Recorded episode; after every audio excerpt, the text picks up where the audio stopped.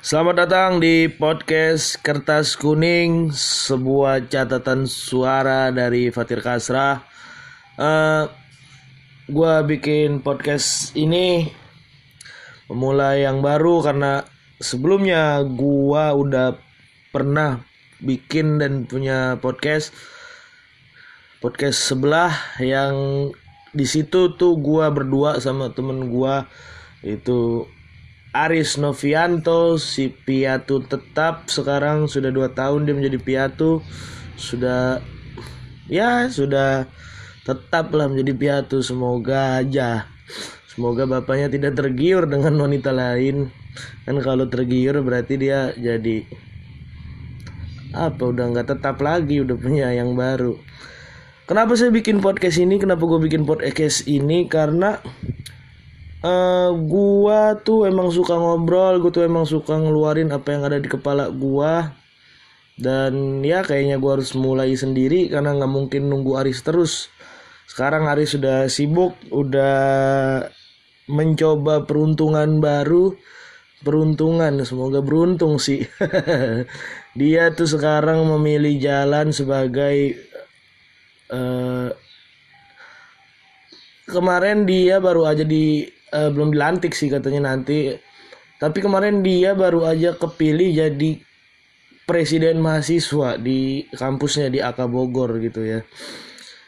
Ya semoga jalan Anda tidak blunder kawan. Meninggalkan dunia lika-liku komedi Untuk hal yang dirasa mungkin bisa lebih mengangkat nama Anda. Jadi Aris cerita ke gue katanya dia menjadi bupati gitu lewat jenjang presma ini pelan-pelan dia mau ya mencoba di dunia politik gitulah. Ya banget ya. Kayak udah ini aja sih ini obrolan gue nih. Uh, tapi sebenarnya gue rasa ya dunia ya komedi ini anggaplah entertain ya entertainer dengan politik itu sama sebenarnya gambling gitu uh, memulai jenjangnya itu step by stepnya dari bawah dan gambling. Kalau misalnya jadi ya syukur gitu. Kalau nggak jadi ya ya mampus. Iya kalau Aris di politik gagal pasti dia langsung ngajak saya bikin podcast lagi. Ayo pak sekarang kita bikin podcast lagi. Wes tapi nggak apa-apa kita mulai gitu.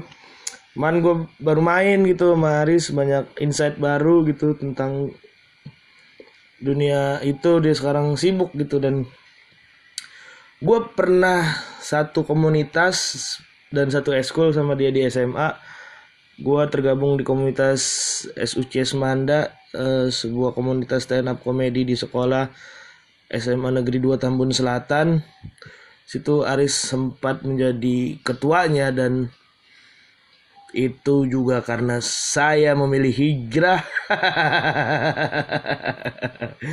Lalu gue sama Aris tergabung juga di ekskul jurnalistik dan dia sempat jadi ketua gitu.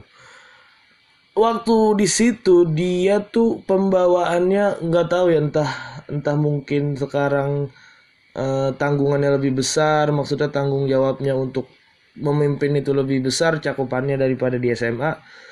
Tapi waktu di eskul apalagi di komunitas ya kan komunitas bercanda gitu. Lebih banyak canda-candanya gitu bikin ketawa apa segala macem. Tapi dia ngaku kemarin katanya uh, dia ya ini maksudnya ya entah mencari citra atau seperti apa tidak tahu. Membawa dirinya lebih berwibawa gitu kata dia. Uh, itulah pokoknya kira-kira ya bikin podcast baru dan sedikit tentang partner saya. Gila gue saking klopnya nih sama Aris dari zaman kita tuh udah nge-MC bareng. Uh, Aris tuh lebih banyak di SUC Semanda nge-MC dibanding stand upnya karena tidak laku dan tidak terlalu lucu juga. Biasanya dia yang menyombongkan diri tapi kali ini saya. Ini adalah podcast saya jadi gue sama dia tuh biasanya nge-MC bareng tuh dari zaman orang tua kita masih lengkap. Kita nge-MC berdua sampai klop banget udah chemistry-nya. Nyatu banget saking nyatunya nih. Sekarang gua yatim Aris piatu bayangin tuh. Udah mah anak-anaknya pada maksud gua berdua chemistry ya kan? Nah bapak mak maknya kita nih. Udah di akhirat gitu. Jadi mungkin di sana mereka juga nge-MC mungkin gitu ikut-ikut MC acara-acara pensi sekolah kan kita nggak tahu ya kan. Mungkin dia juga mereka juga berjenjang karirnya dari mulai ya acara-acara eskul kuburan mungkin. Di kuburan ada eskul nggak ya eskul kuburan ki kalau di SMA 2 tuh biasanya kita ngisi di acara MC buat acara eskul ya. Mungkin di sana ada MC kuburan eskul kuburan ada jurnalistik. Di sana kerjaannya ngumpulin gosip-gosip mayat mungkin kita tidak tahu kan atau ada PMR-nya jadi PMR khusus untuk menolong. Kalau di sekolah kan biasanya PMR yang khusus buat bantuin misalnya yang upacara ada yang pingsan ada yang tumbang.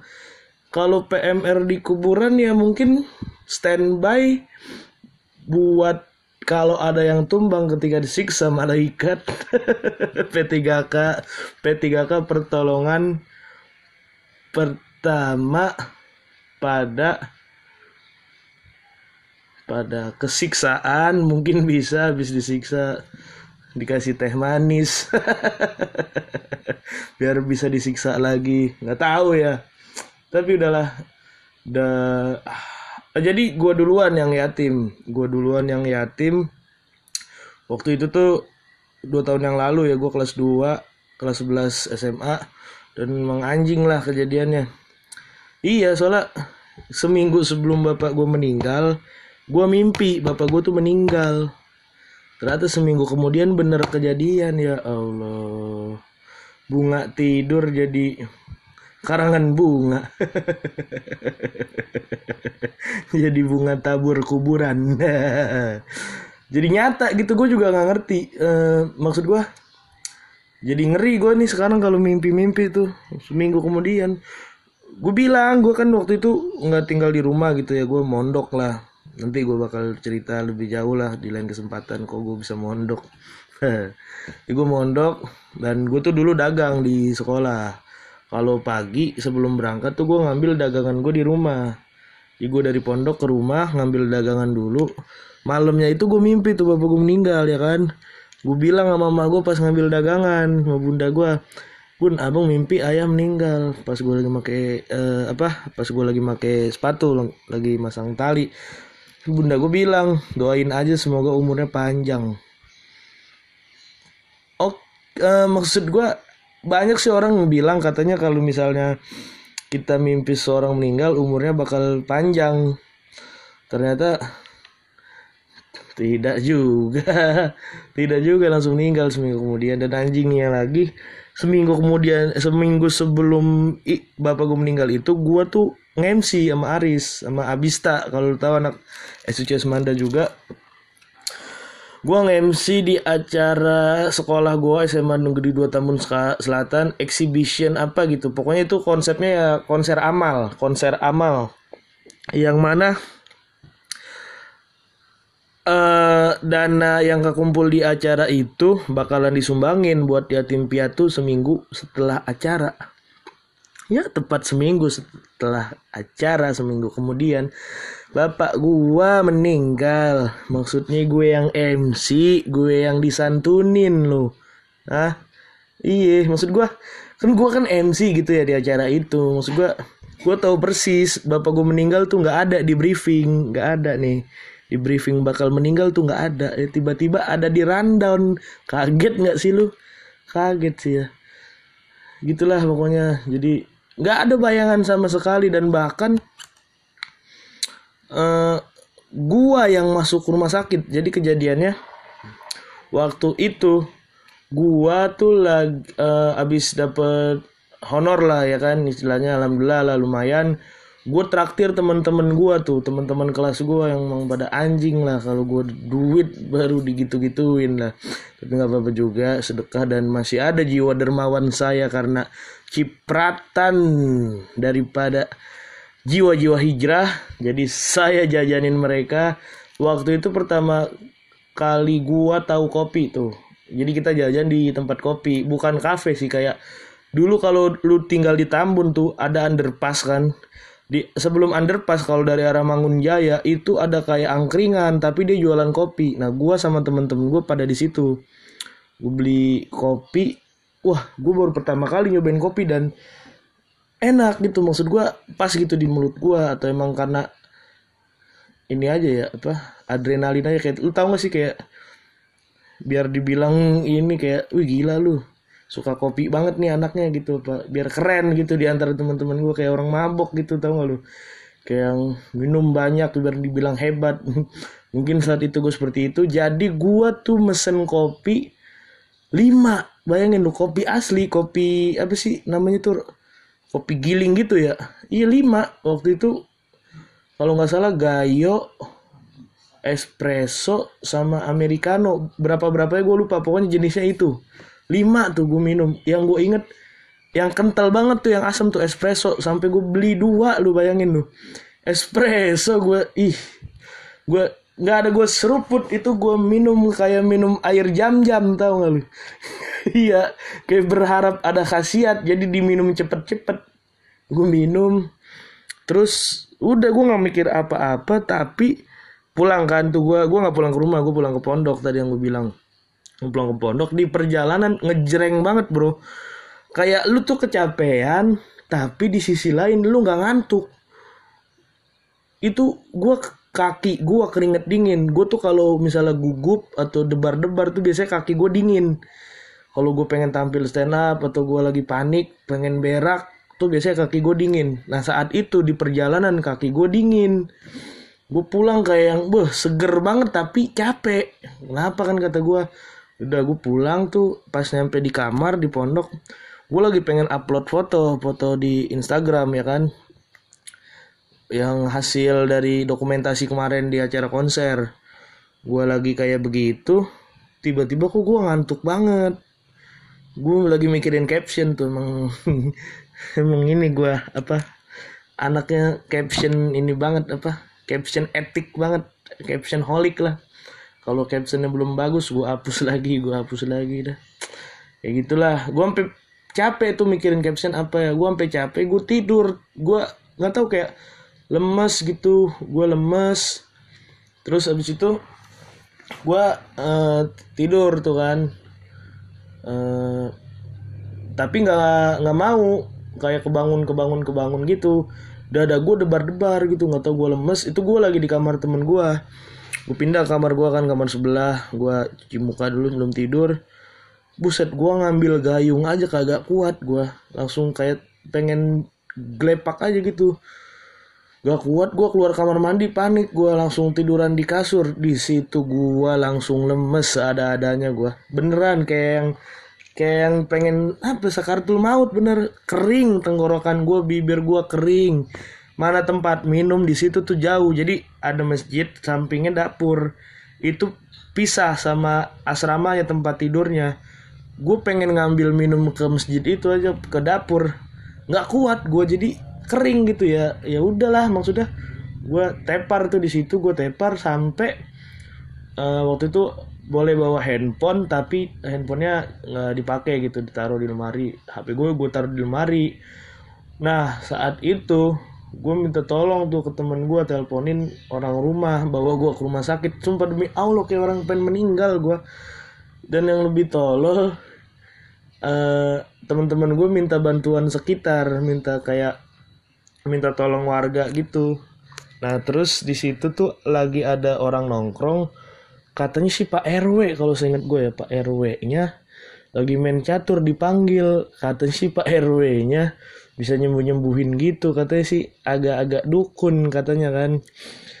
Gua dia datang nyembuhin gua demi Allah kayak beneran kayak dukun kayak seolah-olah ada yang pengen dikeluarin dari tubuh gua nggak tahu apaan. Padahal perkaranya cuman kopi Pak RW mohon maaf. Dipijit-pijit gue dipencet-pencet di uh sah sah gitu gituin dah. Kalau lu lihat visualnya ya lu paham lah gimana maksud gue ya gitu gituin apa. Tapi di situ gue malah tambah lemes ya. Gue nggak tahu nih gue yang dikeluarin maksud gue ada sesuatu yang dikeluarin dari tubuh gue atau ada yang malah dimasukin ke tubuh gue ya kan? Gue nggak ngerti tuh.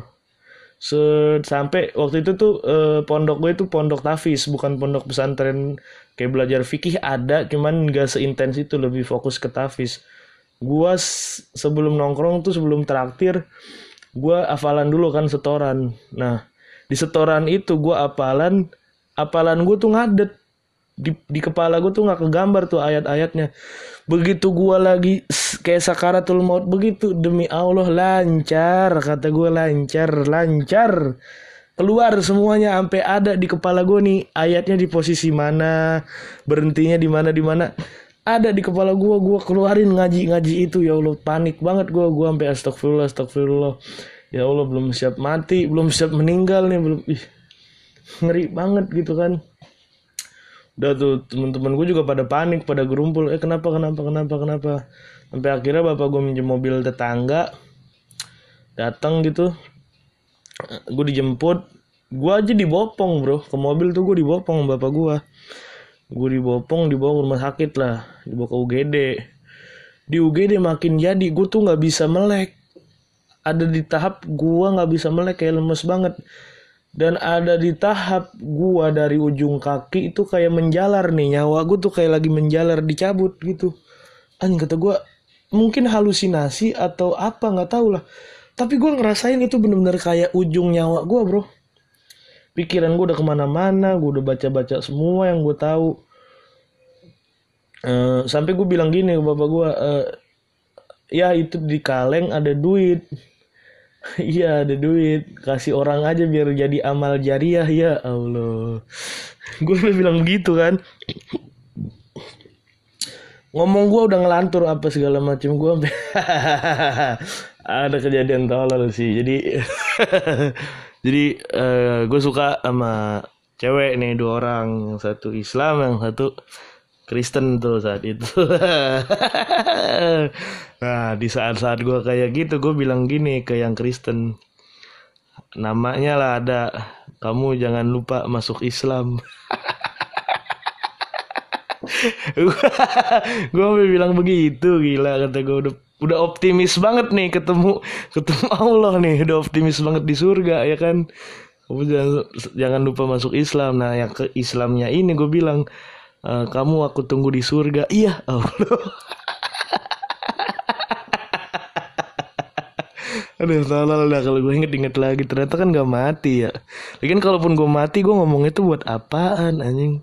Wasiat. Bukan itu bentuknya mah Itu bentuknya persuasif ya kan Iya Terus habis itu Sampai bapak gue bilang Nepok-nepok pipi gue Bang bang jangan halusinasi Itu jangan halusinasi.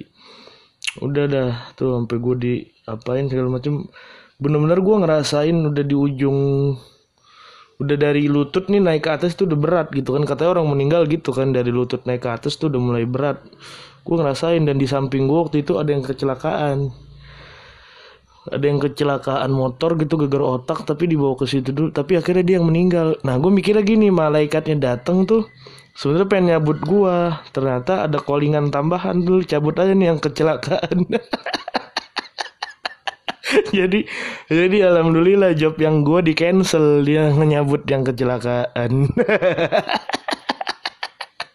Alhamdulillah terima kasih siapa pun um, siapa pun kamu siapa pun anda sudah menyelamatkan nyawa saya dan sudah membantu perekonomian malaikat mungkin karena jobnya nambah ya. Udahlah nggak jadi meninggal tuh gue sadar gue baru sadar jam 3 uh gue kencing bau kopi demi allah kopi semua. Kencingnya tuh ngalir tuh kayaknya tuh itu yang disaring ginjal tuh itu. Atau asam lambung atau apalah itu. Katanya gue kurang kalium kalau nggak salah waktu itu ya. Jadi harus makan banyak pisang.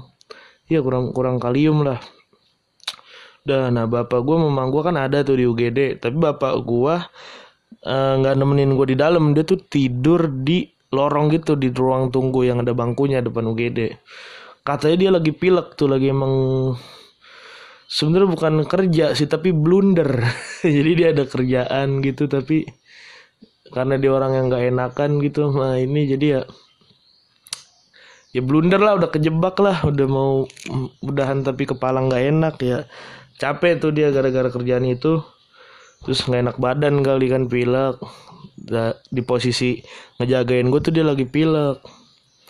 Itu itu kejadiannya Jumat tuh. Jumat Sabtu Minggu gue di rumah sakit. Senin siang gue pulang. Senin ya Senin siang gue pulang. Terus bapak gue lagi capek kecapean. Di hari Minggu dia nggak MC di acara tetangga makanya MC ini pekerjaan maut nih buat keluarga gue nih. Iya kayak dan kan tadi kan seminggu sebelum acara kan bapak gue gue nge-MC di acara konser amal. Bapak gue meninggal. Nah Hamin berapa tuh ya? Minggu Senin bapak gue meninggal Rabu. Senin Selasa Rabu. Tiga hari abis nge-MC di acara tetangga bapak gue yang meninggal. Emang MC tuh acara maut buat keluarga gue kayaknya ya. Udah tuh dia nge-MC tuh minggu udah ngejagain gue lagi tuh dari situ ke rumah eh ke dari rumah ke ini lagi ke kamar gue lagi ke rumah sakit. Senin gue inget banget di pagi-paginya dia tuh ngasih video Ustadz Umar Mita gue inget tutorial talkin mayat lu bayangin tiba-tiba gue dikasih gue demi allah nggak ada pikiran ke mana-mana gue cuman jadi jadi kayak wah kayak ini nyambung maksud gue kayak jadi cocokologi mungkin. Tapi bisa juga itu adalah pertanda dari dia. Dia ngasih gue video talkin mayat gitu kayak gimana sih mayat yang udah di ujung sakaratul mautnya harus diperlakukan oleh keluarganya gitu. Jadi dibantuin talkin talkin gue di, dikasih lihat tuh gue nggak mikir sama sekali tapi itu mau ke arah sana kan. Jadi gue lihat coba oh iya ya udah gitu. Udah tuh senin selas selas senin pulang siang selasanya gue sempat nongkrong lagi tapi nggak berani minum kopi tuh temen gue Rabunya siang tuh bapak gua motornya bocor bannya. Bannya bocor cuman dia ini mompa mompa bannya gitu. Ban motor dipompa pakai pompa ban sepeda. Maksud gua sih secara logika kan harus kan harusnya kan jangankan ngisi ya kan meledak aja nggak bisa itu nggak bisa ngisi maksud gua. Ternyata ya hasilnya siang ban motor dipompa malam jantungnya meledak. Itulah, itulah pokoknya dia mompa ban gitu minjem tetangga. Terus dia dorong motornya sampai ke bengkel. Lama kan bapak gue ke mana nih? Emang gue juga nyariin kok lama sih tumben? Udah gue suruh beli bakso tuh gue beli bakso. Makan bareng-bareng tapi gue mama gue makan duluan bapak gue datang belakangan kan datang terus gue suntuk tuh di rumah kayak aduh bosen nih gue pengen nonton film yang gue suka yang uh, yang kayaknya gue uh, film itu dibikin sama Panji gue ngefans lah sama Panji ya kan. Gue pengen nonton tuh. Udah gue nonton tuh akhirnya bapak gue bilang mau ke mana? Jangan ke mana-mana gitu. Tapi bukan kayak orang tua yang biasanya ngecegah anak kayak mencegah gue ke mana-mana karena ada sesuatu yang bakal terjadi hari itu. Kayak gitu gue ngerasanya setelah meninggal gue baru ngehnya begitu kan. Tapi gue tetap langsung dah ya namanya anak durhaka ya kan? Gue tetap ini jalan gue kan tetap ke bioskop. Ntar ya gue nyari rokok. Gue tetap ke bioskop gue nonton film partikelir kalau yang tahu ya. Yang nggak laku-laku amat katanya kan gue nonton gue inget banget di bioskop guys gue cuman ada berapa penonton tuh gue sendiri yang lain berpasangan Seingat gue tiga pasangan jadi enam orang dan semuanya melakukan hal-hal yang tidak lazim dilakukan di bioskop. Gue denger sendiri pakai kuping gue. Gitulah kalau bioskop sepi ya kan. Gue sendiri tuh. Gue nonton. Ntar.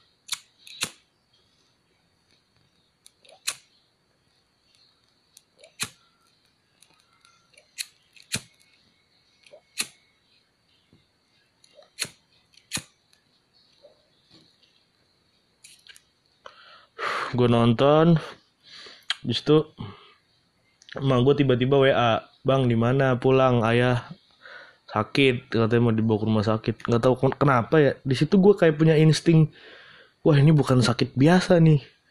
Nggak nggak tahu perasaan gue nggak enak aja di situ. Nggak enak aja gitu gue terus habis itu filmnya kelar gue buru-buru pulang gue cepet gitu ngebut kalau nggak salah ya, ngebut. Maghrib tuh gue sampai sempet sholat dulu terus menjelang isya. Gue sampai rumah tuh udah ajan isya lah.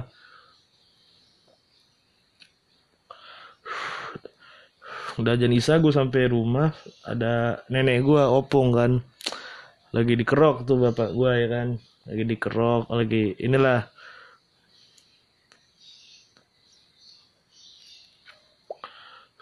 Lagi emang biasanya kalau ada masuk angin minta dikerokin kan sama opung gitu ada di rumah gue ngeliat waktu itu masih Alhamdulillah saya masih rajin sholat di masjid pada saat itu. Jadi waktu ajan Isa berkumandang saya bergegas ke masjid. Nah, tapi bapak gue udah gak kuat sholat di masjid. Terakhir sholat di masjidnya itu asar, maghrib, Isa di rumah. Nah, pas bapak gue Isa itu sholat, dia sholat di awal waktu bener pas gue pengen wudhu, udah udah wudhu pas pengen berangkat ke masjid itu belum komat. Bapak gue udah standby sholat tuh di sejadah. Terus mukanya kayak melas gitu kayak kayak ngeliat gue terus bilang ayo gitu. Waduh ternyata itu sholat isya terakhirnya loh. Kayak harusnya kan gue bisa nemenin jadi makmum gitu kan tapi gue lebih milih sholat di masjid emang soleh tapi durhaka.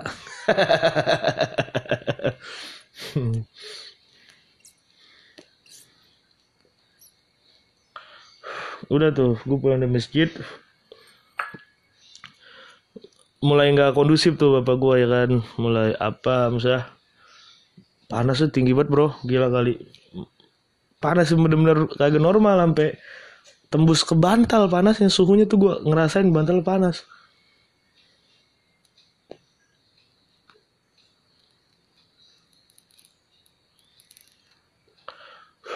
Terus udah tuh uh, di situ uh, abis dikerok gitu apa segala macem sempet muntah yang keluarnya tuh air kata emak gue itu darah tinggi yang sampai pembuluh darahnya pecah katanya begitu. Tapi nggak tahu gitulah. Begitu udah tuh. Dia gue inget banget tetangga sampai pada datang kan pengen minjem mobil soalnya. Emang kita tukang pinjem mobil tetangga pinjem mobil tetangga pada datang sebelum tetangga datang gue inget banget bapak gue duduk kayak nengok ke depan ke teras. Kayak ada yang datang kayaknya ya. Kayak udah tahu nih malaikat nih udah jemput gue kayak kayak gitu. Soalnya bapak gue tuh sekaratul mautnya di perjalanan ke rumah sakit di mobilnya. Udah ini udah.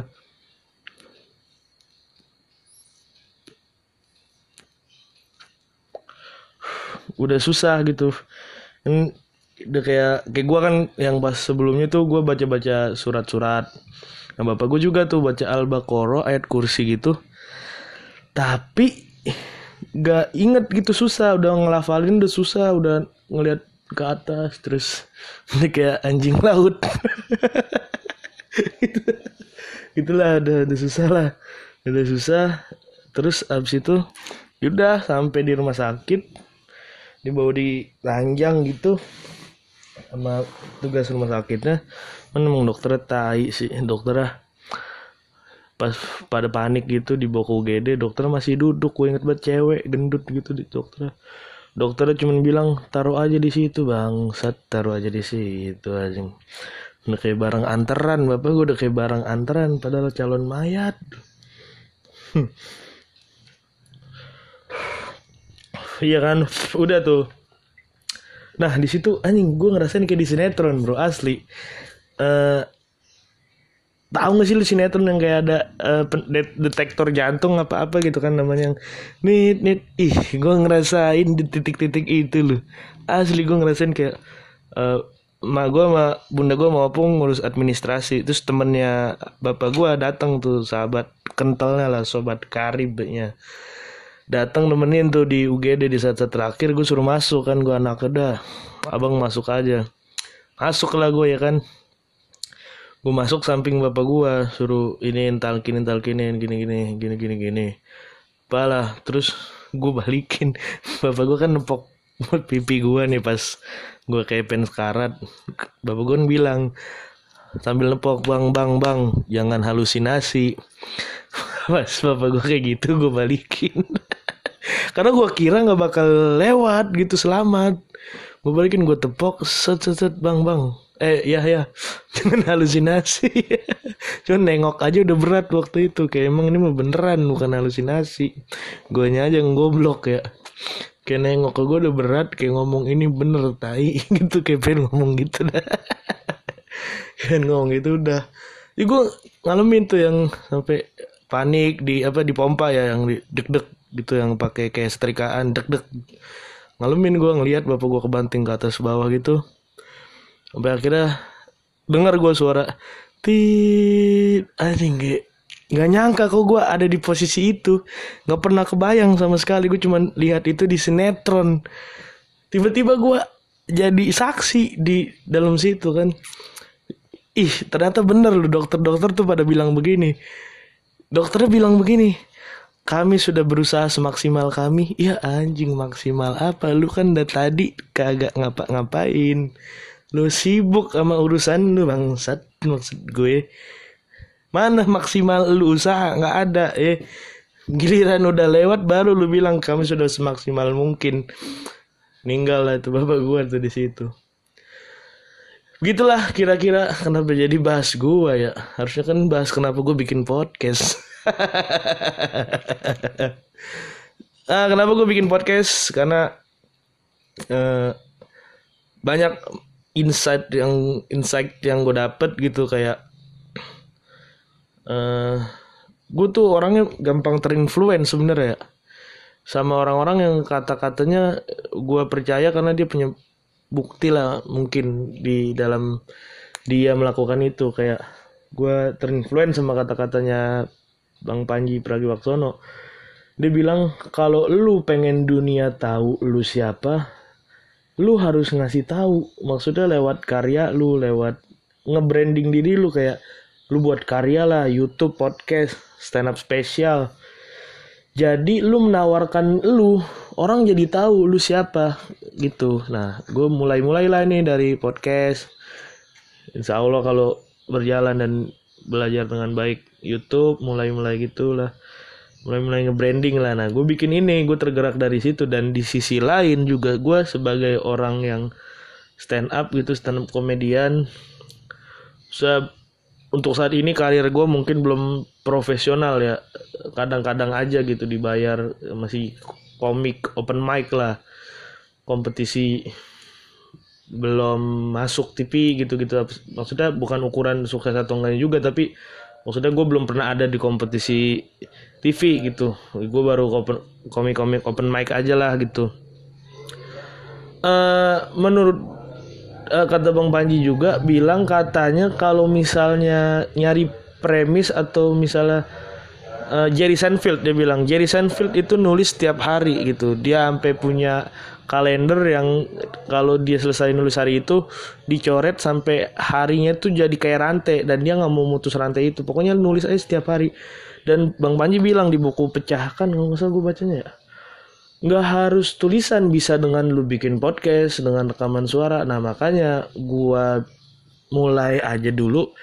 Karena kayak mungkin apa pun yang akan gue omongin di sini sewaktu-waktu gue lihat bisa ada premis atau topik-topik yang kayaknya potensial kalau gue lebih ulik lebih bagusin untuk dibawa di panggung gitu. Kayak gue pengen bikin ya kayak kenapa gue bilang catatan suara itu kayak dan kenapa kertas kuning ya? Karena balik lagi gue orangnya terinfluence gitu-gitu. Jadi gue milih kertas kuning awalnya karena gue tahu Jerry Seinfeld profesional maksudnya seorang yang kita kagumi di dunia stand up ya semua stand up komedian di dunia mungkin nggak cuma Amerika.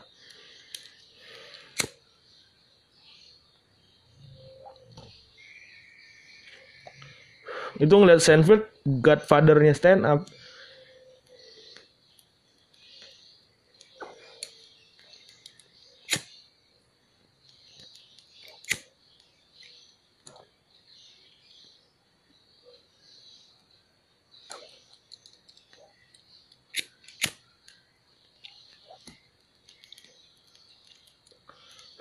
kayak dikagumi banget gitu. Karena dia berkarir dari lama dan dia pernah dinobatkan jadi stand up komedian dengan penghasilan paling banyak paling kaya mobil sportnya banyak.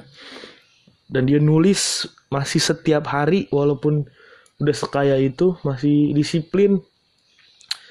Dan dia kalau nulis pakai kertas kuning dan saat dan dari situ gue tahu sejak saat itu gue kalau nulis premis nulis joke tuh di kertas kuning gitu. Gue kalau beli kertas binder gitu yang warna kuning. Dan kenapa gue namain podcast ini kertas kuning? Karena itu tadi kan tujuan gue ya siapa tahu dari podcast ini ada premis atau topik yang bisa jadi materi. Jadi ya ibaratnya gue samain gue ngomong di sini tuh kayak lagi nulis lah kayak lagi ngumpulin premis. Apa pun yang terlintas di kepala gue apa pun komentar gue tentang suatu fenomena atau cerita atau pengalaman atau hasil gue ngobrol dari orang semoga rekam jejaknya tuh bisa ada di podcast ini dan sewaktu-waktu gue putar lagi bisa gue catet dan gue bawain lah di atas panggung gitu ya. Dan kalau lu mau dengerin silakan kalau enggak ya dengerin dong masa ya anjing lah lu. Kalau lu follow Instagram gua dan nggak mau dengerin tai lu followers Instagram gue 700 cuman gak ada yang solid lu bayangin lu. Gue jualan kagak ada yang beli cuman ngeliat nih di apa gue storyin kan. Di yang lihat itu yang scene itu 300 200 yang DM kagak ada yang beli nggak ada lu.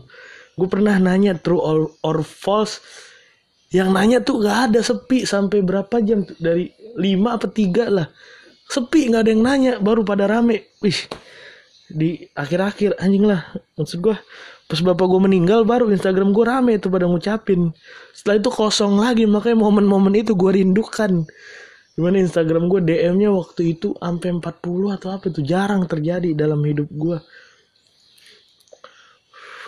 bela sungkawa pada baru prihatin lu anjing. Dagang juga harusnya prihatin lu anjing. Lu ngebantu ekonomi gua gitulah. Bangsat lah. Ya itu aja gitu ya mungkin dari gua Semoga bisa enak didengar podcast ini. Terima kasih untuk yang mendengarkan. Respect.